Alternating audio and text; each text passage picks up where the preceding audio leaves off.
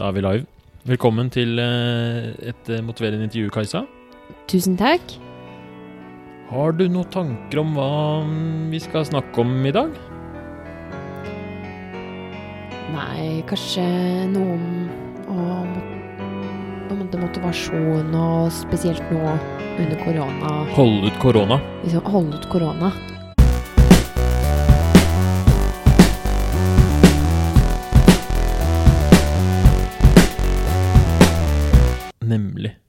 Hva er det du syns er vanskelig med korona? Nei, det er jo Ja, det, det er primært to ting. Det ene er at eh, jeg er jo egentlig veldig sosial, og syns jo det er mye lettere også å strukturere hverdagen når man kan dra et sted og, og gjøre noe. Um, og så ikke minst at man har noe å glede seg til, som gjør at eh, man kan veldig lett skille eh, jobb og, og fritid. Fordi man er sånn 'Å, på fredag, da skal jeg eh, i bursdag', og da må jeg være flink nå, sånn at jeg kan unne meg det med god samvittighet. Mens nå flyter bare liksom alt sammen. Og så er jeg også litt sånn litt snurt, fordi eh, man, man på en måte taper noe som eh, ikke fins, på en måte, men du vet at du egentlig skulle hatt det skikkelig gøy. Eh, fordi dette her er jo egentlig siste semester jeg kunne dratt på utveksling. Å ja. Jeg hadde jo Jeg har jo samla så mye Fordi på studiet mitt da, så er det jo sånn at man får poeng for å ta på seg masse verv under, under studiet, som du kan bruke til å velge utvekslingssted først. Så du har vært superflink medisinstudent og tatt på deg masse verv og skaffet deg NM i utvekslingspoeng, Ja. og du får ikke brukt det til noen som helst. Nei. Så jeg er litt snurt. Du er snurt over at du ikke har fått uh, utveksla, og så går det trått når du, fordi du er vanlig Hvor sosial er du til vanligvis? Ehm, ja, altså d- d- Ganske sosial, vil jeg si. Altså, vanligvis så pleier jeg jo sitte på eh, lesesal og, og ha lunsj med liksom ti andre mennesker og kose meg i lunsjen. Og så pleier jeg jo alltid finne på noe i helgene. Eh, nå finner jeg jo ikke så på så mye i helgene. Så, fordi noen, noen jeg kjenner, de, for, dere, for de er, er koronahverdagen ganske lik den vanlige hverdagen. Mm.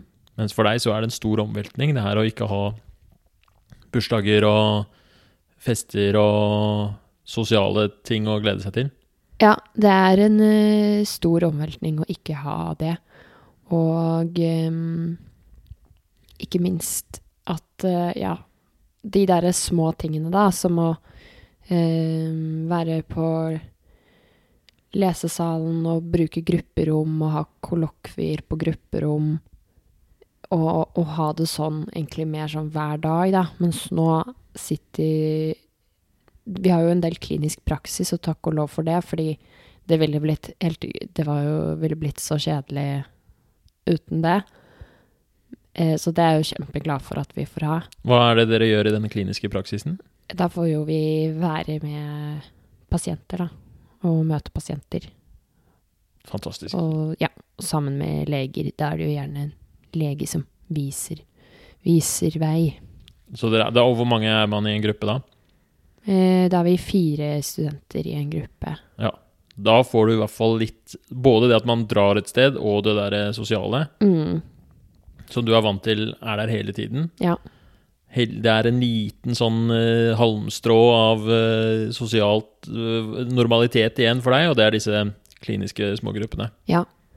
Og så noe annet som er litt dumt, da. Fordi det er, det er også Det er jo litt med en bismak, disse fysiske smågruppene. Fordi du er jo redd for at du går rundt og er smitta uten symptomer. Og at du skal smitte noen. Um, så det Men det I hvert fall så lenge man gjør så godt man kan med å, å følge eh, restriksjonene som eh, myndighetene har sagt, satt, så tenker jeg jo Man bør jo ikke ha dårlig samvittighet for å følge det. Eh, det har jo store konsekvenser hvis man slipper ut masse leger som bare har sittet inne på Zoom. Ja, ikke sant? Um, Fordi du, man kunne jo Altså sånn teoretisk så kunne man jo hatt Det er en viss risiko ved å ha det smågruppene. mm, Noen av pasientene er kanskje sårbare. Og du kan jo ikke garantere at du ikke Du har jo ikke vært helt isolert fram til den gruppa. Men det er det jo i aller høyeste grad verdt. Hvis, ja. Det er helt essensielt at vi utdanner leger. Det kan vi ikke slutte med i halvannet år. Så, så ja, enig med deg. ja. Det er helt Men- Kan ikke ha dårlig samvittighet. Nei, for, kan ikke ha eh, det. Men man, man går rundt og er bitte litt bekymra for å, å smitte noen. Hva er det det går på? Hvem er det du er bekymra for smitte, eller hvordan føler du det? Um, ja, fordi altså, det går jo ikke an å, å undersøke en pasient uten at det er noe risiko. Um, og da må man jo bare leve med den smitterisikoen det er. At det er en bitte, bitte, bitte liten sjanse for at man går rundt og er smittet uten symptomer og kan smitte den personen. Hvis du hadde smittet noen, hvordan hadde du merka det, eller hvordan hadde du følt det? Eh, da ville jeg jo eh, Jeg tror jeg ville synes det var veldig kjipt å smitte noen. I hvert fall det spørs litt eh, Litt eh, Men jeg tror Så lenge jeg har fulgt det som jeg skal følge, så så vil jeg nok ikke få dårlig samvittighet, for jeg ville jo følt jeg har gjort det jeg kan, og tatt de forhåndsreglene jeg kan. Um, men Og så er det jo klart at hvis det er en annen 24-åring jeg smitter, som også bare liksom snufser litt, og vi på en måte får stoppet smittekjeden der, så tror jeg nok ikke jeg får så dårlig samvittighet. Men eh, ja, kommer nok til å gnage litt hvis jeg smitter en pasient med korona. Ja, vi får håpe du slipper det, da. Krysse fingrene for at, uh, at du ikke har soveuflaks. Ja. Hva mm, det er, Altså, jeg kjenner meg veldig igjen i det der med å, å nå er, Det er ikke noe å glede seg til lenger. Mm. Den festen eller den eh, eh, bursdagen eller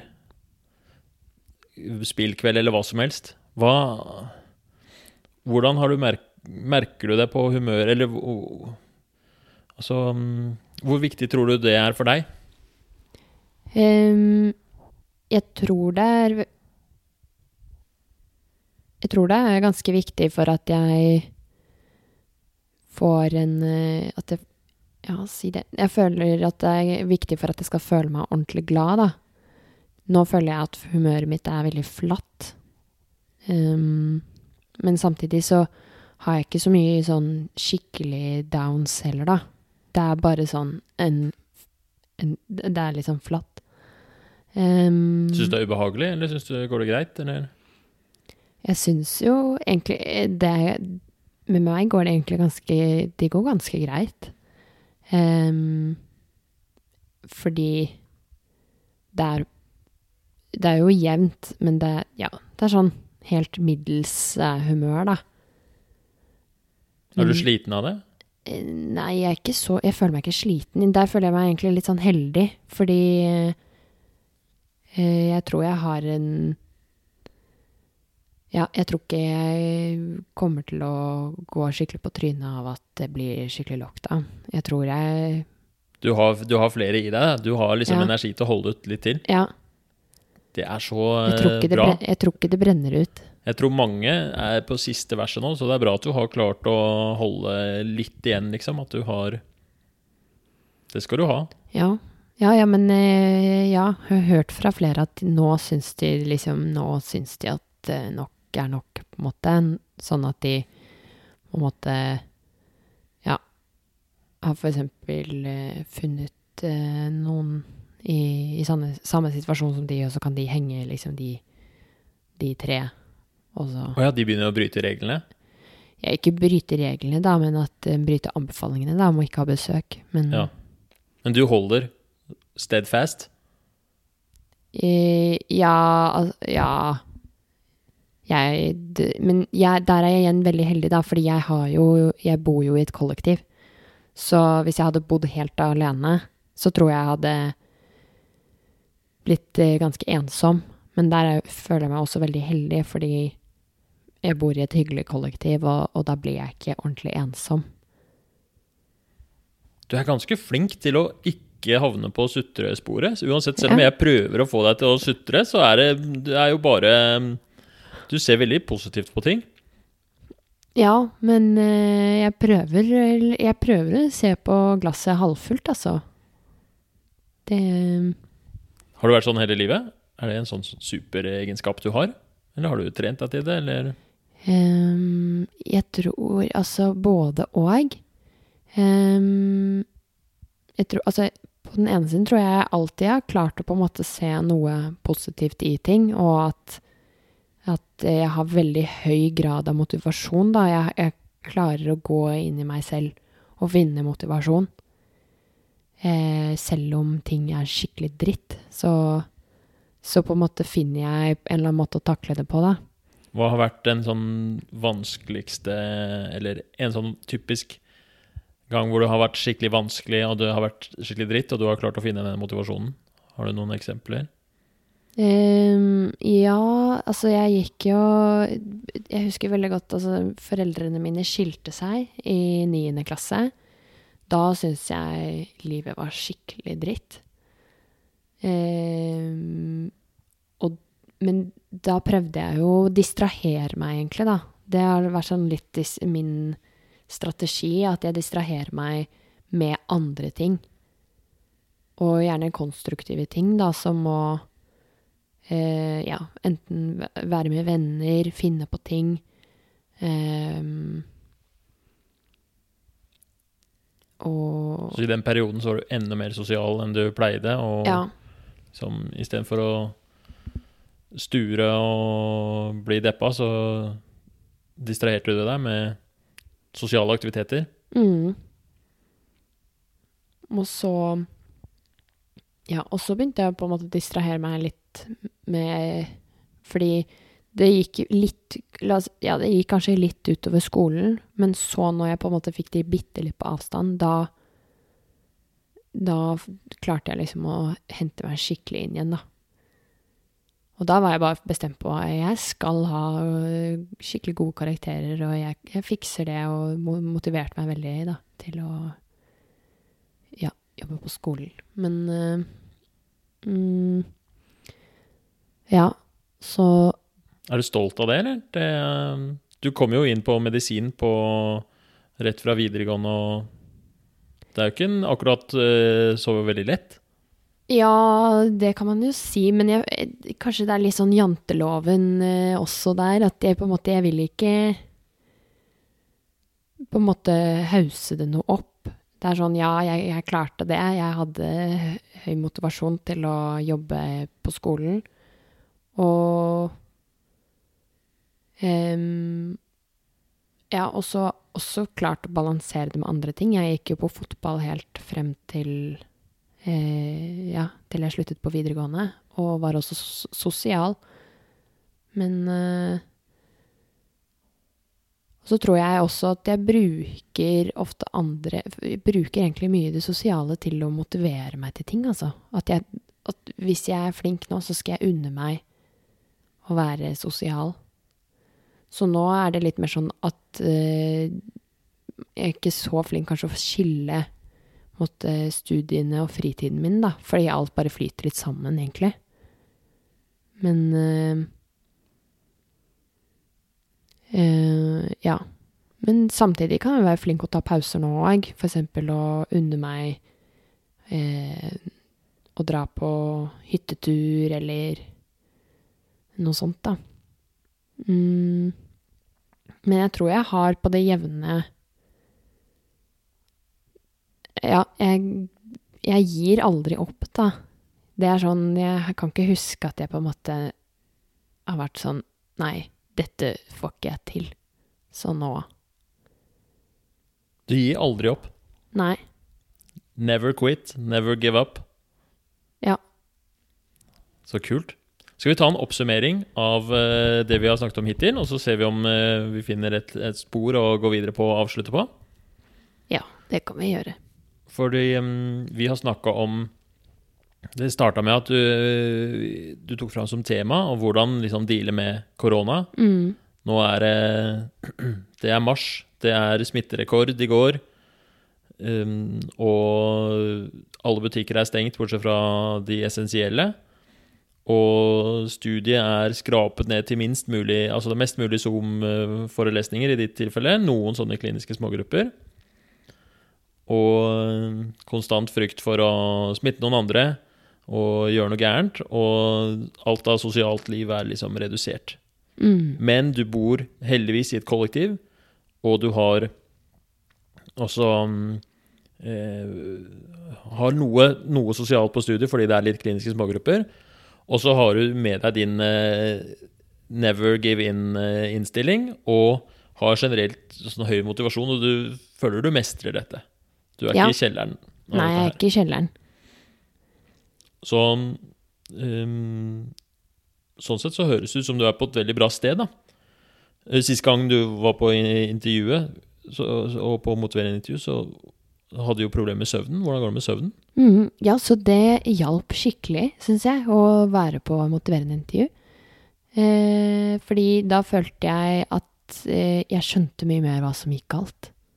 Jeg skjønte at det handlet om å endre vaner, og at eh,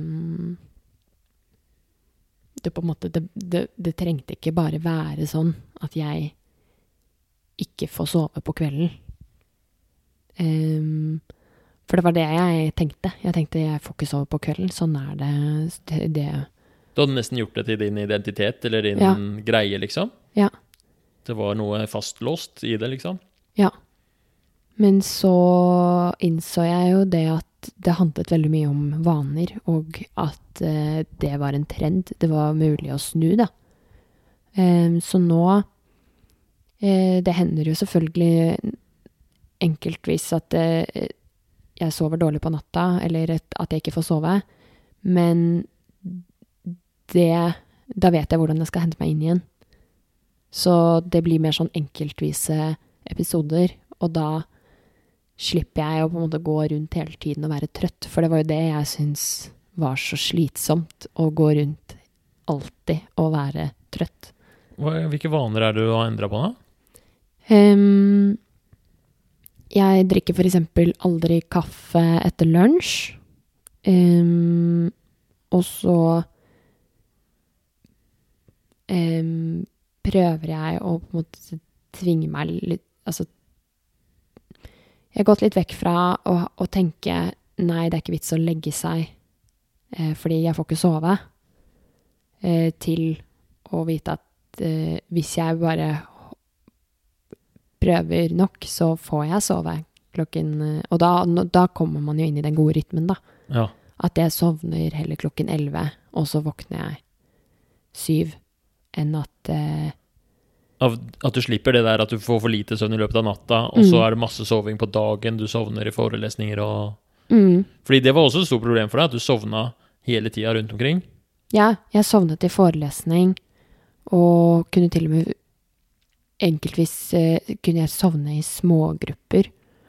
Og det var jo i hvert fall flaut, for én ting er jo å sitte bakerst i en forelesningssal og sovne, um, men det å sitte i en smågruppe, og læreren ser jo, vet jo navnet ditt, og ser at du sovner, det er jo kjempeflaut. Og du får jo en veldig du, du vet Du skjønner jo at det ikke er noe hyggelig for underviseren at du sovner. Men du, og du vil jo ikke sovne. Du bare klarer ikke å ikke sovne, da. Eh, men det er helt eh, borte nå. Så nå sovner jeg eh, veldig sjeldent i undervisning. Så fantastisk. Gratulerer. Ja. Det er bra jobba. Når du, jeg er spent på når du, du sier at du liksom du bare prøver å sove, og så klarer du det til slutt. Hva er det som du gjør i hjernen din da, eller hodet ditt, hvis du ligger og ikke er trøtt og skal prøve å sove? Um, Har du noe triks, liksom, eller er det nei, si det. Jeg um, prøver å Sånn helt på tampen så pleier jeg å gjøre noe litt sånn rolig, da.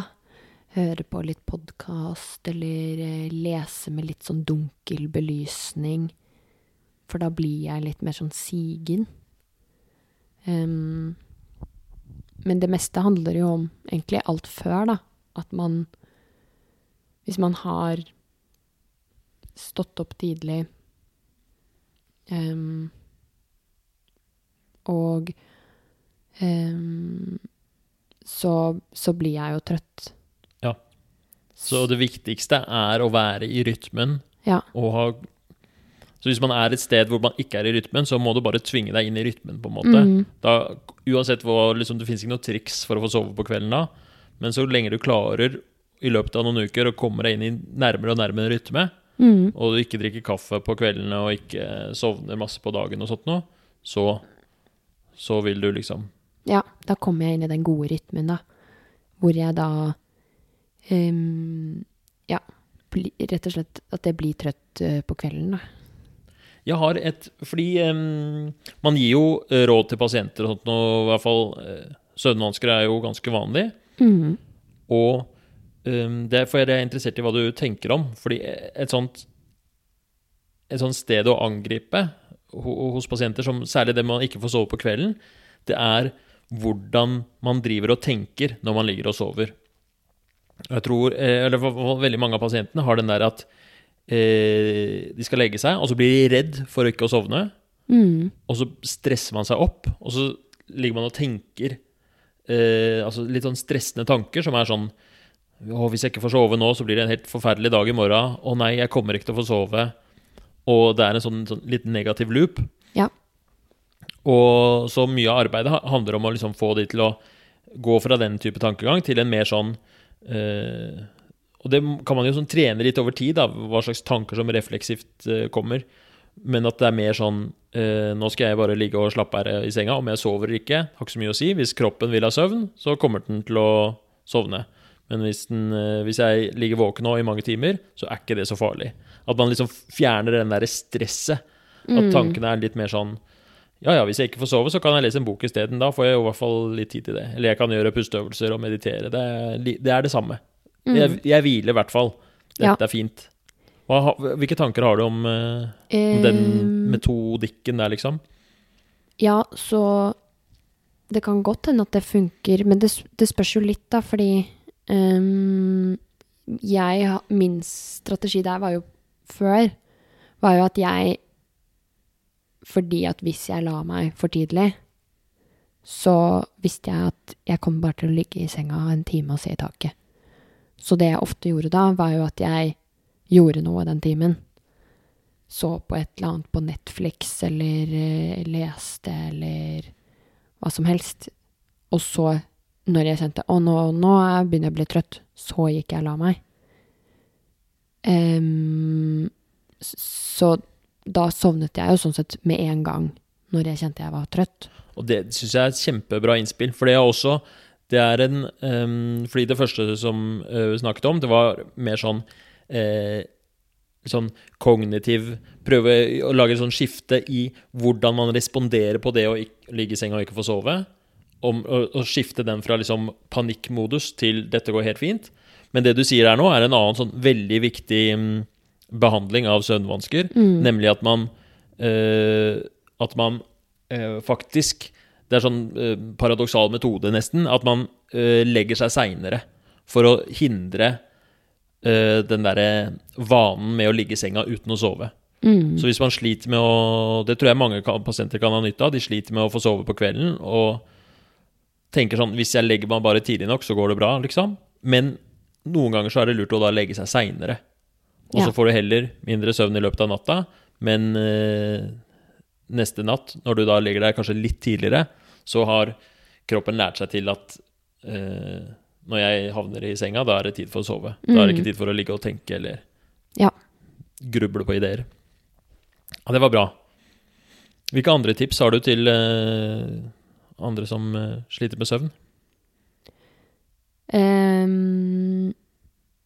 Ja, jeg brukte jo melatonin, da, men det tror jeg kan funke hvis det er døgn, på en måte døgnrytmeforstyrrelse, da. Som det på en måte er. Det er jo faktisk veldig vanlig for unge mennesker å ha, at du egentlig har et litt for langt døgn. Som da sakte, men sikkert, alltid liksom forskyver seg, da.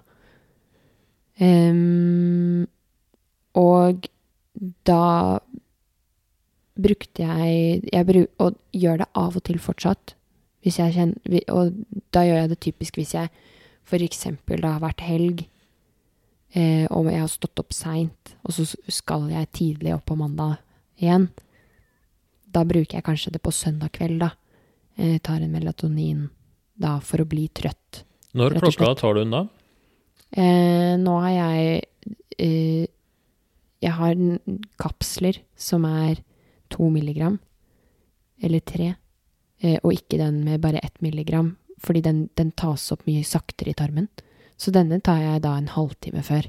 Og så blir du trøtt etter ja, løpet av en halvtime? Fordi det, jeg fant ut at uh, Men jeg, nå har det skjedd noen greier uh, med, med melatonin.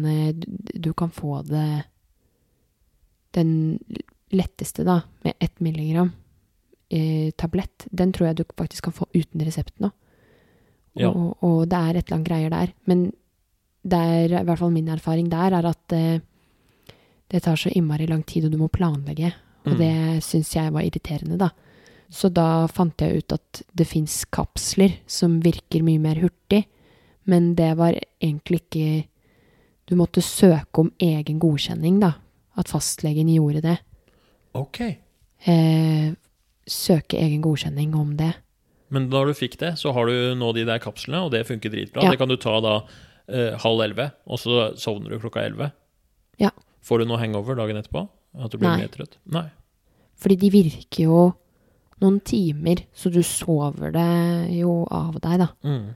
Og de er jo Det er nettopp derfor de er jo ikke avhengighetsskapende, fordi de gjør deg jo bare litt mer trøtt, men det er jo ikke noen innsovningstablett.